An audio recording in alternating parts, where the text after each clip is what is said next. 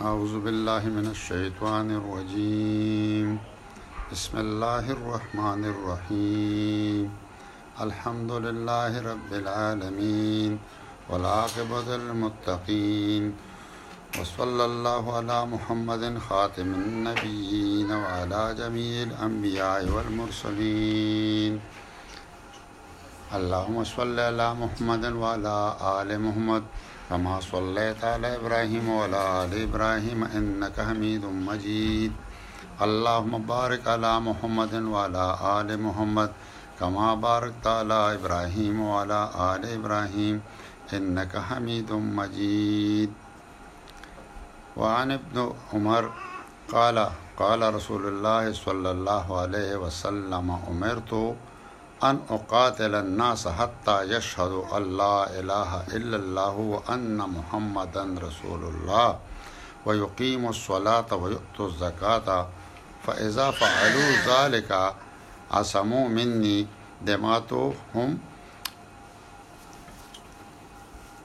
فاذا فعلوا ذلک عصموا منی دماءتهم واموالهم الا بحق الله الاسلام وحسابهم علی الله متفق علیه ابن عمر رضی الله تعالی عنہ وای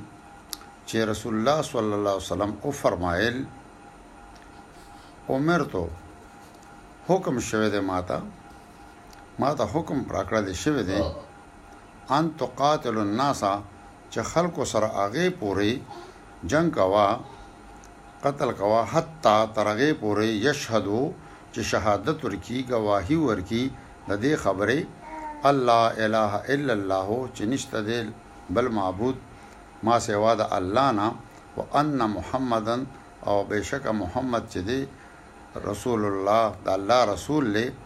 او ويقيم الصلاة او منځ قائم کی ويؤتو زکاة او زکات ورکوي فاذا فعلو پس چې کله دا کار وکي فاذا فعلو ذالک فس کله چې دا کار وکي نو دې چې کوم دې عصمو ځان بچ کو ها ځان بچ کو مني زمانہ سه بچ کړ دماءهم خپل وینه خپل وینه او اموالهم او خپل مالونه الا بحق الاسلام دا لفظ الا بحق الاسلام دا د بخاری په دغه کې نشته او د مسلم په هغه کې شته په خپل وینا او خپل مال ازامه مگر د اسلام په حق کې وحسابهم او د دوی حساب چې دی علی الله په الله باندې دی یعنی د حدیث مبارکه خلاصه دا ده چې تر څو پورې رسول الله صلی الله علیه وسلم فرمایي چې ما ته حکم شوی دی چې څو پورې خلک دا یو څو کارونه نشي چې کلمه کلمه و چې الله اله الا الله وان محمد رسول الله او د هغې نه پس مونځ قائم نه کړي او زکات ورکول نه کړي چې کا دا شروع کړو چې چا ووي دا کلمه او ایمان یې راوړو او د هغې په نتیجه کې مونځ قائم کړو او زکات ورکول شروع کړو نو پس ده په دې افعالو سره ځان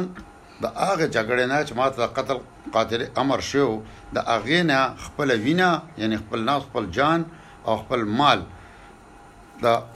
د اسلام په حق او د اسلام په حق باندې بچ کو او د دې حساب چې کوم دی دا غي حساب په الله باندې دی وعن انس رضی الله تعالی عنہ انه قال قال رسول الله صلى الله عليه وسلم من صلى صلاتنا واستقبل قبلتنا واكل ذبيحتنا فذلك المسلم الذي له ذمه الله وذمه رسوله ولا تخفر الله فی ذمته دا د بخاری یو حدیث دی هم د دې حواله سره نو یو دو سیزونه په دې کې نور اډ کړی دي چې ني اغم د الله په ذمہ کې رالل انس رضی الله تعالی عنہ فرمایي چې رسول الله صلی الله علیه وسلم فرمایلی دي چې کم سړی من صلی صلاتنا زمونږ په شانتی مونځ کوي چې څنګه مونږ مونځ کوو داسې مونځ کوي واستقبل قبلتنا او چې څوک زمونږ په شان زمونږ قابې ته مخ کوي واکلا ذبیحتنا او زمونږ علالا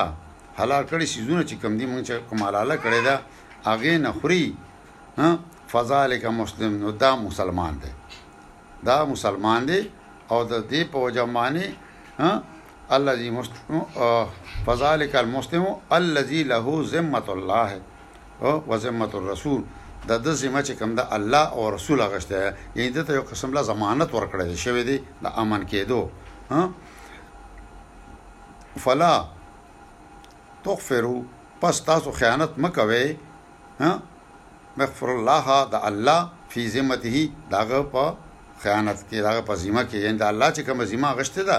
هغه ذمه کې تاسو خیانت مه کوئ د ځان نه پکې نور څیزونه مه زیاتوئ بس چې کوم سړي ستاسو په شان مونځ کو او ستاسو په شان قبلې ته مخ کو او ستاسو سره خپله ذبیحه کړه نو بس دا تاسو مسلمان وګڼئ نور د ایمان د دننه کیفیت هغه الله ته پته لګي چونکې الله ذمه اخیستې ده دوی او رسول صلی الله علیه وسلم غشته مسلمانانو تم دا هدایت ته چې دې کې تاسو سو خیانت مکوي یعنی دله سنور خپې مې نور خلک په زور باندې کافران کوي ما یاد کوي ما چې نه نه ته مسلمان نه